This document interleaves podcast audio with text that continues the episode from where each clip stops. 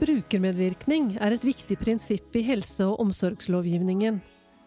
Den som mottar helsetjenester og ytelser, skal aktivt få medvirke når det skal tas beslutninger som gjelder dem selv. Hva er viktig for deg, er spørsmålet i den sammenhengen. Men hva når tjenestemottakeren for eksempel ikke ønsker å bli stelt av en med hijab, eller av en som snakker dårlig norsk, en med mørk hudfarge, en mann, en dame? Betyr brukermedvirkning at tjenestemottaker kan velge hvem som skal være hjelpere?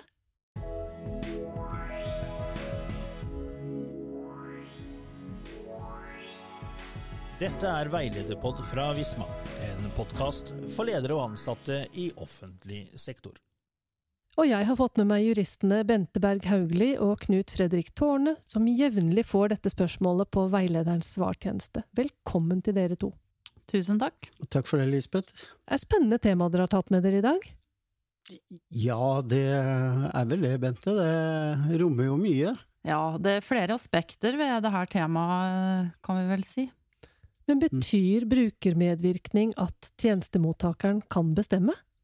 Nei, eh, det betyr ikke at brukeren eller tjenestemottakeren eh, kan bestemme. Men det er viktig å huske på at gode argumenter skal høres. Og som du nevnte, brukermedvirkninga står veldig sterkt i Norge. Mm. Og helsepersonellet er nødt til å lytte til pasienten, pasienten da, eller brukeren, eller pårørende.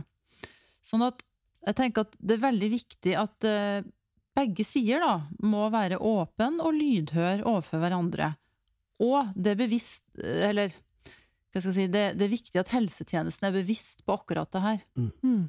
Altså, brukermedvirkning er jo et sentralt prinsipp i norsk eh, helse- og omsorgstjeneste. Og når det gjelder da kommunale helse- og omsorgstjenester, så betyr jo det at brukerens ønsker, behov og meninger skal tas hensyn til i alle ledd av eh, tjenesteytingen. Og det her er jo forankra i lovverket, i pasient- og brukerrettighetsloven. Mm. Hvordan er, det, hvordan er brukermedvirkning regulert i lovverket, egentlig? Jo, øh, først så kan vi vel si at for å få en reell brukermedvirkning, så må pasienten og brukeren øh, ha fått en tilstrekkelig og tilpassa informasjon. Mm. Det er regulert i uh, helsepersonelloven. Der står det en del om uh, helsepersonells uh, informasjonsplikt. det er også regulert i pasient- og brukerrettighetsloven om at bruker, pasient, skal ha rett til informasjon, og at den her skal også være tilpassa brukerens evne, og at han skal forstå det, da. Sånn at jeg tenker at noe av det viktigste i møtet mellom bruker og hjelper, det er god kommunikasjon. Ja, og du kan si helsetjenesten er den profesjonelle part. Ja. Og Det er, bør, ja. det er de som bør ta ansvaret Ja. for at uh, kommunikasjonen skal være god. Mm. Mm. Samtidig som tjenestemottakeren er jo da den som best kjenner sine problemer og behov. Sånn at uh, tjenestemottakeren, brukeren, må få komme til ordet. Ja, men Apropos dette med god informasjon, når vi snakka sammen litt på forhånd om det temaet her, så hadde jo du et godt eksempel, Knut Fredrik. Jeg tror det handlet om en dame som fikk en litt skremmende opplevelse. Fortell. Ja, altså god informasjon til brukere om hvem som kommer hjem til deg, kan faktisk være, være viktig. Altså det var en eldre hjemmeboende med begynnende demens, eh, som fikk da besøk på natt av eh, hjemmetjenesten i kommunen. Og hun våkner da på soverommet sitt eh, midt på natten, og der står det en afrikaner som var to meter høy og stor, eh, hvorpå hun da bråvåkner, eh, reiser seg opp i sengen og hyler voldtekt og springer ut av sengen og brekker lårhalsen. Og det er klart, eh, her er en eldre dame vokst opp i en tid eh, hvor eh, vi hadde et litt annet syn på eh, de som kom fra andre land. Og eh, hun skulle nok vært litt forberedt, så hadde man kanskje unngått eh, den incidenten. Og det fikk fatale følger da for pasienten, dette her. Gjorde det? Ja. Så her kan vi egentlig si at eh, mangelfull kommunikasjon egentlig altså førte til brukket lårhals, da, i det tilfellet her? Ja, i det tilfellet her så var jo det Hun ble jo da Opplevde dette som svært skremmende, da. Mm. Og så kan vi si at ja, men hvorfor det, liksom? Men eh, det var eh, Det var hennes eh, Jeg vet ikke om det var hennes barndomslærdom som slo inn, eller hva det var som forårsaka at hun ble redd, men eh, det ble hun, og, og eh, brakk lårhalsen, og det er jo veldig alvorlig når du er godt over 80 år.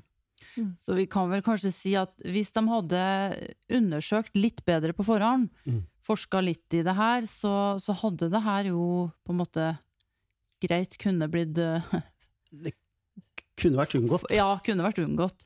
Mm. Så um, ja, tenker jeg at kommunikasjon um, Det gjør jo også at pasient og bruker føler en tillit og en trygghet og føler seg ivaretatt og Mm. Viktig, viktig. Men selv om brukermedvirkning er et viktig prinsipp, så har jo ansatte i helse- og omsorgstjenesten et omfattende lovverk å forholde seg til. Og så skal de sørge for at folk har tillit til helsevesenet, de skal sørge for forsvarlige tjenester. Lederne har ansvar for drift, organisering og ressursbruk, og midt oppi det her så har de jo ansvar for de ansattes arbeidsmiljø også. Jeg tror egentlig at vi trenger en liten jingle før vi begynner med kravet til forsvarlige tjenester. Er dere enig? Ja. Ja.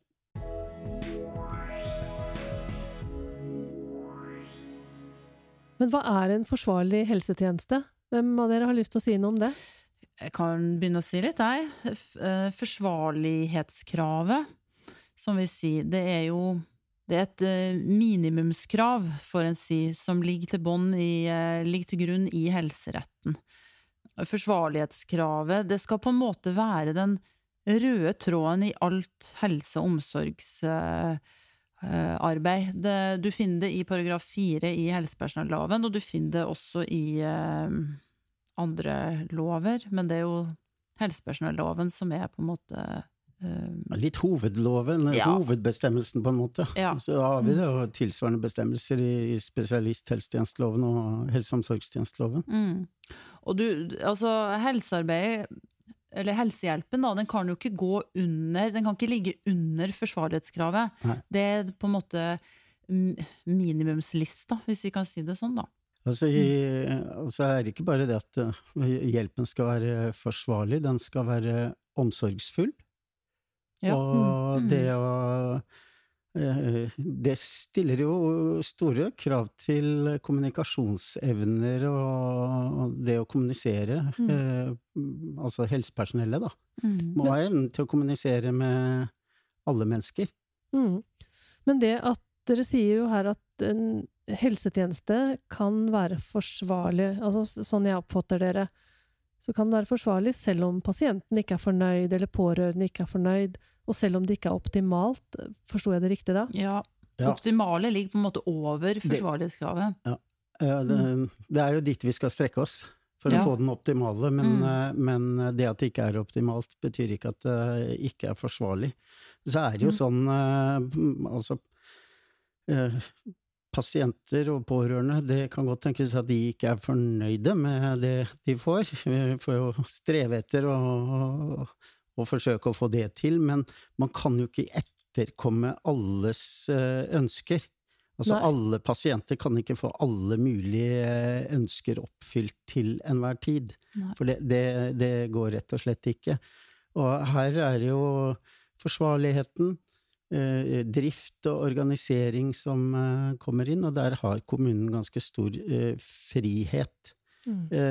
Men kanskje ikke så nok ressurser. Nei, altså det er jo ikke ubegrensa med verken hender eller økonomi i eh, helsetjenesten, og dermed så, så eh, kan man ikke si ja til alt som pasientene måtte Men ønske er, seg. kan, kan kanskje skyte inn forsvarlighetskravet, det er jo helsepersonell som, som eh, på en måte eh, bestemmer hva som skal ligge i det, da.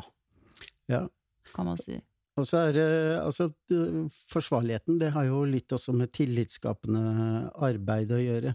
Altså, eh, hvis du ja, du og jeg kan møte hverandre, så er det et eller annet som gjør at kjemien deg og meg, deg og meg imellom, det, det Mm. bare stemmer ikke, rett og slett. Mens Så kommer Bente inn, og så er det ikke den samme eh, greia. Og det tenker jeg at man i helsetjenesten må være litt mer bevisste på, at det er en del sånn eh, som man kanskje ikke kan forklare engang. Mm, fordi at vi er mennesker. Fordi vi er mennesker, og vi, Mm. er for, vi, vi mennesker er forskjellige. Og øh, du, det er ikke uforsvarlig om, øh, om øh, kjemien ikke stemmer, men det kan jo vanskeliggjøre en del ting, fordi det krever da en god kommunikasjon, og hvis det er sånn at du og jeg har litt øh, dårlig kjemi i utgangspunktet, så vil det jo være vanskelig å få den gode kommunikasjonen som er nødvendig eh, til å mm, skje, da. Mm. Har du noe eksempel på det? Ja, jeg har eh, altså Det er et sånt tilfelle som jeg stusser litt over, og det var, en, eh, det var en helsefagarbeider som var inne hos en pasient og trengte aldri å benytte tvang, mens eh, øvrige ansatte de trengte å bruke mye tvang. var psykisk utviklingshemmet. Og da var det et eller annet som denne ene ansatte gjorde, eller et eller annet som gjorde at øh, vedkommende da falt til ro og, og ble, gikk med på å dusje frivillig og alle sånne mm. praktiske ting, da. Og det tenker jeg at det kan være noe han gjorde, som kanskje noen andre burde ha lært av. Eh, Det han beklaget seg litt over, var at eh, han var nederst på rangstigen, så det var eh, ingen som ønsket å lære noe av han, men, men han fikk det til. Og de andre ansatte, de brukte mye tvang for å få til det samme. Så der var det et eller annet som, med kjemien, et eller annet som gjorde at det ble vanskelig, da. Mm. Hva kan vi lære av det, da? Ja, jeg tenker at det vi, det, lederne har en del å lære her i forhold til, eh, til man, eh, hvem man setter til de forskjellige oppgavene. Og så tenker jeg den ansatte også. Mm. Man skal ikke være Det er ikke noe flaut å gå til en kollega og si 'kan du prøve'? Mm.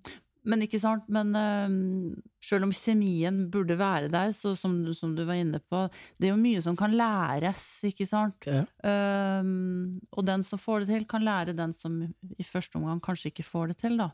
Så uh, Ja, det kunne være sånn som det var egentlig, så i det tilfellet hvor han ikke trengte å bruke tvang, da, så tenker jeg at eh, kollegaene burde blitt med han inn og sett Ja, mm. hvordan foregår dette her, hva er det han gjør som ikke jeg gjør, hva er det, hva er det som gjør at han får vedkommende til å roe seg, Mm. Sånn at man kan lære den veien. mm. Det kan jo hende at han uh, hadde en annen måte å vise respekt på, eller var, litt nysgjerrig, undrende, og, og fikk vedkommende med på råd? At var det, var, de burde det, var, det? eh, det var en teori han hadde selv. Oh, ja. det, var, eh, det var at han helt fra første gangen han møtte vedkommende, hadde på en måte behandla vedkommende som en hvilken som helst annen pasient eller person. Mm. Eh, Så det var hans teori på at eh, de de hadde fått en god start. Så, men det er ikke godt å vite. Men det er klart, det er jo ikke like lett hvis problemet ligger i det som ikke handler om eh, personkjemi eller sånne ting, da, men hvis det ligger i at en pasient bruker ikke like type hudfargen eller klesplagget eller sånne ting, da blir det på en måte litt verre, da. Hvis det, Mm. det er jo gjerne litt begrensa med helsepersonell å ta av også, da. Ja, altså, man altså- må finne ut hvorfor, da. ja, så Er man- ikke det viktig? Jo, det, det Mm. å finne ut hvorfor er viktig, og det, det å så trygge pasienten, sånn at ikke pasienten eh, på en måte Det er ikke viktig for pasienten om det er Trude, Per eller Kari som, eh, som kommer eh, inn. Mm. Så må man ikke plassere alt i boksen for personkjemi. Nei, nei. Så det Og så er det det også tenker jeg man kan eh, Altså, det er viktig Det er flere ting som er viktige her. Eh, For det første så er det jo et krav i lovverket at man skal forsøke tillitsskapende tiltak for, for å unngå bruk av tvang. Og, og det krever at det er tillit mellom pasienten og, og helsepersonellet. Og da er det viktig å kartlegge de pasientene som ikke er i stand til å si for mye selv, og ha en innkomstsamtale, snakke med pårørende. Mm. Er det noen spesielle ting pasienten liker, ikke liker? Er det noe, altså noe ved som får han til å reagere eller ikke reagere? Så en, det er veldig viktig med en sånn kartlegging. Har noen hobbyer, er det noe koselig vi kan prate med henne om som får henne til å roe seg? Eller hun, da. Så det, det Der tenker jeg at eh, det er mye å hente på en, eh, en kartlegging Mm. av så- pasienten. Så kan det jo hende at det er ikke bare det at eh, man ikke spør om interesser og sånn, men det kan vel hende at man har forskjellig At pleierne, eller de som skal utføre helsehjelpen, har litt forskjellige utgangspunkt òg. Kanskje noen er litt mer hardhendt, eller Ja, det, Ja. og det, det er jo litt, eh, litt det å snakke med pasienten og prøve, å, prøve å få det den veien. Altså, det kan godt være det at det er mm. enkelte som er litt mer harde i klypene, Mm. som gjør at pasientene reagerer. Mm. Men eh, vi får jo alle mulige henvendelser fordi pasienter ikke ønsker å bli behandla av en som ikke er eh, har den rette hudfarven, eller en som snakker dårlig norsk, eh, lukter vondt. Mm. Altså det er alle mulige fordommer og frykt, og det er mye rasisme, i hvert fall i de henvendelsene jeg har vært borti. Mm. Og det er jo Altså, da må man forklare for vedkommende. Man skal ikke være lydhør for den type eh, argumenter og Nei. ønsker. Det er eh, diskriminerende. mm. Så, så er det Ja, hvis det er utrygghet, så er det jo om å gjøre å prøve å trygge vedkommende. Altså, mange av de eldre er jo vokst opp i en helt annen tid enn det vi er, og har eh, ja, Sånn som denne gamle dama som eh, prøvde å løpe ut av senga, er vokst opp i en tid hvor, eh, hvor det var helt annerledes, og det må man på en måte ta litt hensyn til innimellom og, og tenke igjennom. Mm. Så egentlig så sier du at forutsatt at helsetjenesten har andre ressurser, så bør man kanskje prøve å være litt fleksible, da både av hensyn til ansatt og tjenestemottaker eller bruker, er det det du mener? Ja, Mm. øh, det er øh, Så er det mye sånn type skepsis som kommer fram og sånn, som, Mm. hvor jeg i hvert fall har skjønt at det, er, det underliggende er jo hudfarven, og ikke det Mm. om vedkommende er flink eller ikke flink til å gjøre, Mm. utføre tjenesten. Så, men øh, hvis det er da en som er skeptisk til at noen klarer dette her, så er det jo om å gjøre trygge vedkommende. Jo, det vedkommende kan det her. Det er det vedkommende er utdanna til, og så videre. Mm. Og så er det jo en del eh, eldre mennesker som sliter med språk og forståelse. Eh, Så det kan jo være litt utfordring hvis det er ansatte som ikke er, behersker eh, det norske språket godt nok Mm. i møte med eldre. Så der, der er jo litt utfordringer, for de med litt begrensa norskkunnskaper, så kan det jo skape en del misforståelser. Mm. Så, Så jeg hører du sier man skal være lydhør, man må undersøke litt. Um, brukermedvirkning, det er viktig. Brukeren skal bli hørt, men ikke nødvendigvis bestemme. Mm. Og så er det jo mange spørsmål her som det ikke er noe fasitsvar på, egentlig. Unntatt på ett område som du nettopp nevnte, og det var rasisme. For det er jo ikke lov å diskriminere. nei, Det er i hvert fall og klart. bare en sånn liten ting, at det gjelder jo begge veier. Altså, ja, vi har jo fått henvendelser også hvor det er eh, muslimske an menn som er ansatt som eh, ikke vil, eller vil at damene skal være tildekket i Eller ikke bli behandla av damer. Ja, eller- ja. Og det er de eneste som er der. Så det, Ja. nei. Hvis da er det, altså er det bare damer, så Mm. noe, har man ikke noe valg. Men hvis det er mulig å få til et valg, så kan man jo Mm. ta hensyn til eh, den type kultur og så videre. Men Mm. det er ikke noe man skal innrette virksomheten etter. Men det er mange ting å ta hensyn til inni det her, da. Ikke sant? Det er, Ja. jo, det er jo det der med medvirkningsaspektet som står sterkt, og det er jo det er jo også arbeidsmiljøet som skal være forsvarlig, og så er det jo eh, det organisatoriske og Ja. Mm. Altså, det som er viktig også, er jo at ja, brukermedvirkningen står sterkt i Norge, men brukermedvirkning betyr ikke at brukeren skal bestemme. Nei. Det er, er greit å gjenta. Ja. For, det, men, eh, men de skal få lov til å bli hørt, Ja. si sin mening. Prøve å finne ei løsning litt sånn på midten, kanskje. Ja. Ja. Snakke sammen Ja. mm. For du, på forhånd så nevnte du litt det her med å balansere litt uh, Hva var det du tenkte på da, egentlig? At kommunen måtte være litt fleksibel på den ene siden, men at det er grenser for hvor fleksibel man kan være. Ja, Mm. det er jo, for å si det, det er jo grenser for hvor, hvor sære ønsker man kan få uh, innfridd også. Um, Altså, det er jo det, altså, det, det, Veldig mye av dette bunner i, i, tenker jeg i hvert fall, i kommunikasjon, dialog, samarbeid, informasjon. Det å snakke sammen. Og man skal også oppi det hele ha respekt for brukerens autonomi.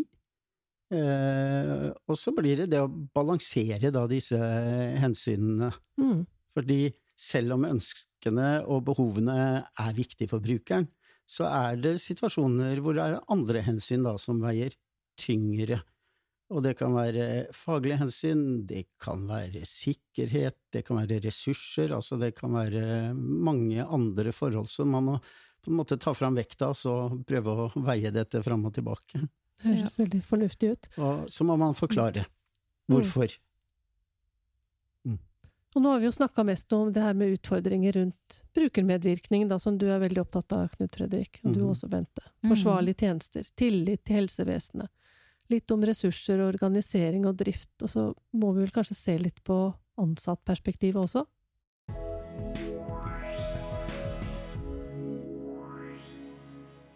De ansatte har jo krav på et trygt arbeidsmiljø, Bente? Ja, eh, helt klart. Vi var jo inne på det her med at eh, kommunen skal jo har jo mange krav å etterleve, ikke sant. Både kravene i arbeidsmiljøloven og i helse- og omsorgstjenesteloven. Mm. Og så var vi inne på at brukeren kan jo ikke påberope seg retten til å bestemme hvor eller hvordan hjelpen skal gis. Det er jo eh, da kommunen øh, som avgjør hvilke tjenester søkeren skal tilbys, og har da ansvaret for at tjenestene er forsvarlig. Mm.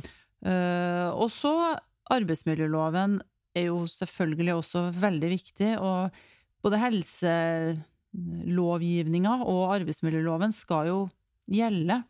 Og um, av og til så er det jo litt spesielle utfordringer da, på å kunne etterleve begge de lovverkene som ivaretar ikke sant, både Ja. arbeidsgiver og uh, bruker. Det er, men uansett så kan man på en måte ikke Man kan ikke fire på forsvarlighetskravet. Nei. Eh, sånn at i en sånn teoretisk eh, tenkt situasjon, hvis de to lovverkene kom eh, på, på satt på spissen, Mm. så, så har jo brukerne krav på forsvarlig helsehjelp. Ja. Eh, og det er sånn Altså, vi skal ha et røykfritt miljø. Hvis du skal inn og, og gi helsehjelp til en pasient, og så har pasienten røyka, så kan du ikke uh, stikke av gårde og ikke gi pasienten hjelp.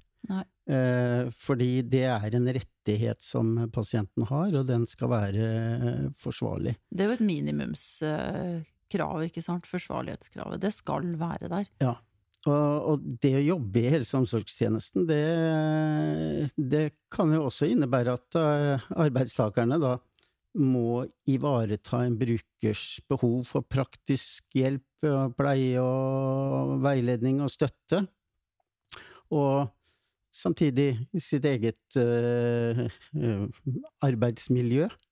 Og her må man balansere balansere. Høres ganske utfordrende ut, egentlig. Ja, det er Mm. klart det er utfordrende, og så er det Hva skal jeg si, det er enkelte ansatte som blander litt dette her med personlige preferanser og det å være profesjonell helsearbeider. Mm. Hva mener du med det? Nei, at man eh, for eksempel så har jeg eksempler på at uh, en pasient da som hadde behov for å få hjelp til å trekke opp en ølflaske og sette et sugerør i ølflaska, så ville enkelte ansatte ikke utføre det, for de var imot alkohol. Mm. Eh, og det er klart at eh, nei, det er din personlige preferanse, her er du ansatt for å gjøre en jobb. Du Mm. skal hjelpe vedkommende, vedkommende klarer ikke dette selv, må ha praktisk bistand til å få det gjennomført, og det er din jobb å gjøre det. Da, hvis, det ikke, hvis det er et problem, så får du finne deg en annen jobb. For det, det er eh, derfor du er der, det er for å hjelpe vedkommende. Og jeg har også vært borti Altså på sykehjem, der det kan få litt sånn forskjellige utslag. Det, dette med alkohol og ruspasienter som uh, drikker, det kan man jo innimellom måtte sette begrensninger på i forhold til inntak av medikamenter videre, for det går utover forsvarligheten hvis de mm. Og der er jo noen da som er, er snille pleiere, og noen som ikke er snille. Og det er kanskje de som ikke er snille, er de som følger da det som er blitt uh, Snille i hermetegn, da. Ja, snille i mm. hermetegn. Ja. Absolutt.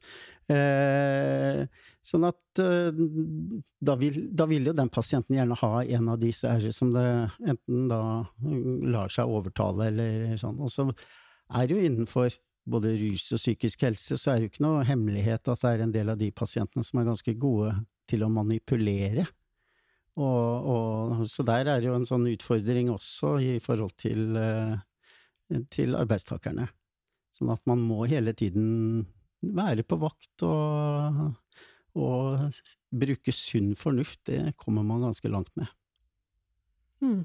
Jeg skjønner jo det at det her eh, Ja, den ansatte eh, det er Det kan være vanskelig å sikkert gå på akkord med sine egne, uh, egne verdier noen ganger, men det må jo være noen eh, forventningsavklaring da, for ledere som har 'dette her hører til jobben din, og dette her må du faktisk gjøre'. Ja, det er klart at uh, tydelig ledelse er, mm. er viktig. Altså, må jeg jo si mm. det at jeg, jeg har jo farta rundt Norge rundt og, og, sånn, og når, når jeg hører om den vanskelige pasienten, eller de vanskelige pårørende og ansatte som ikke vil gå inn til å gi hjelp til den vanskelige pasienten, eller den pasienten med de vanskelige pårørende, det håper jeg at ingen, etter å ha hørt på oss her i dag, omtaler noen som vanskelige, fordi de er utfordrende, de er ikke vanskelige. Ja.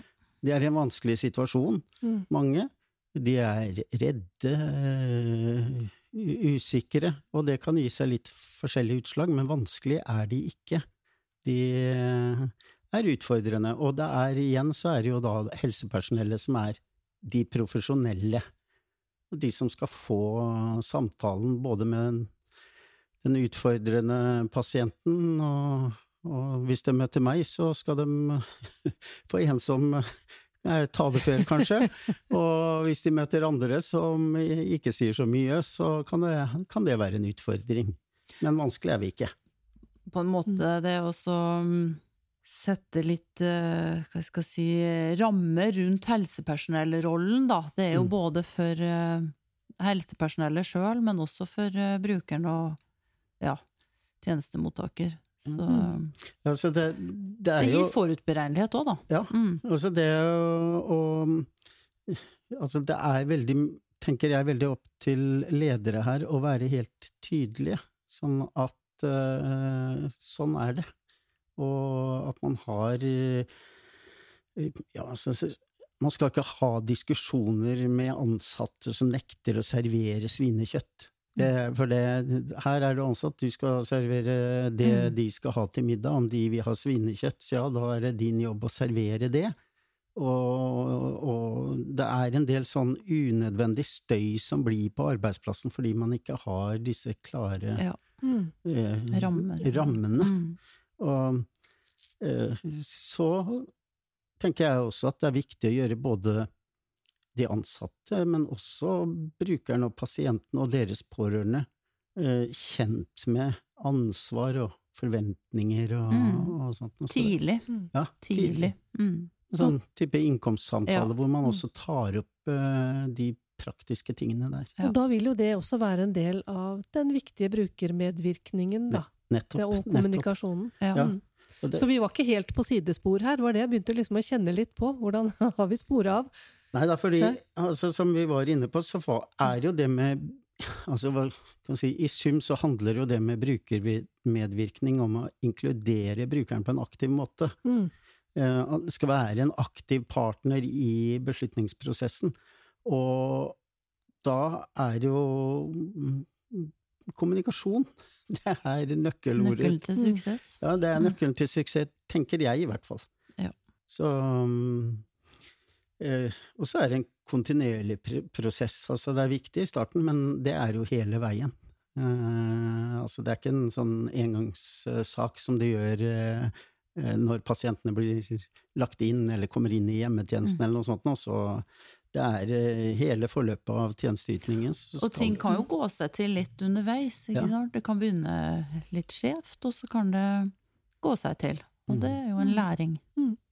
Det er mange utfordringer, det skjønner jeg, og det nærmer seg vel egentlig at vi får sette en strek her, for tida går så fort. Men Knut Mm. Fredrik og Bente, hvis dere skulle gi én ting på veien, da, eller et råd til de som hører på etter det vi har snakka om i dag Vi begynner med deg, Knut Fredrik. Ta brukermedvirkningen på alvor, men det er ikke brukeren som bestemmer. Og så vær lydhør.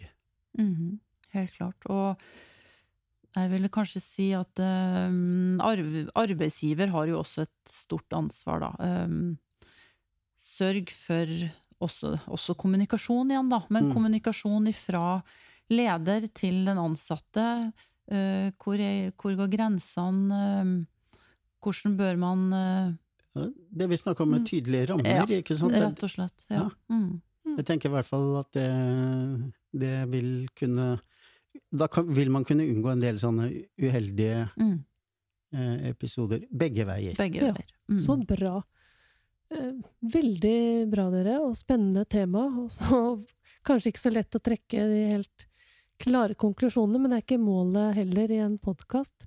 Tusen takk for praten, Knut Fredrik Tårne og Bente Berg Hauglie. Veldig hyggelig å være her. Ja, takk for oss. Takk. Dette er Veilederpod fra Visma, en podkast for ledere og ansatte i offentlig sektor. Og ansvarlig for denne sendingen har vært Lisbeth Storvik Jacobsen. Produsent og teknisk ansvarlig Magnus Bjørneby.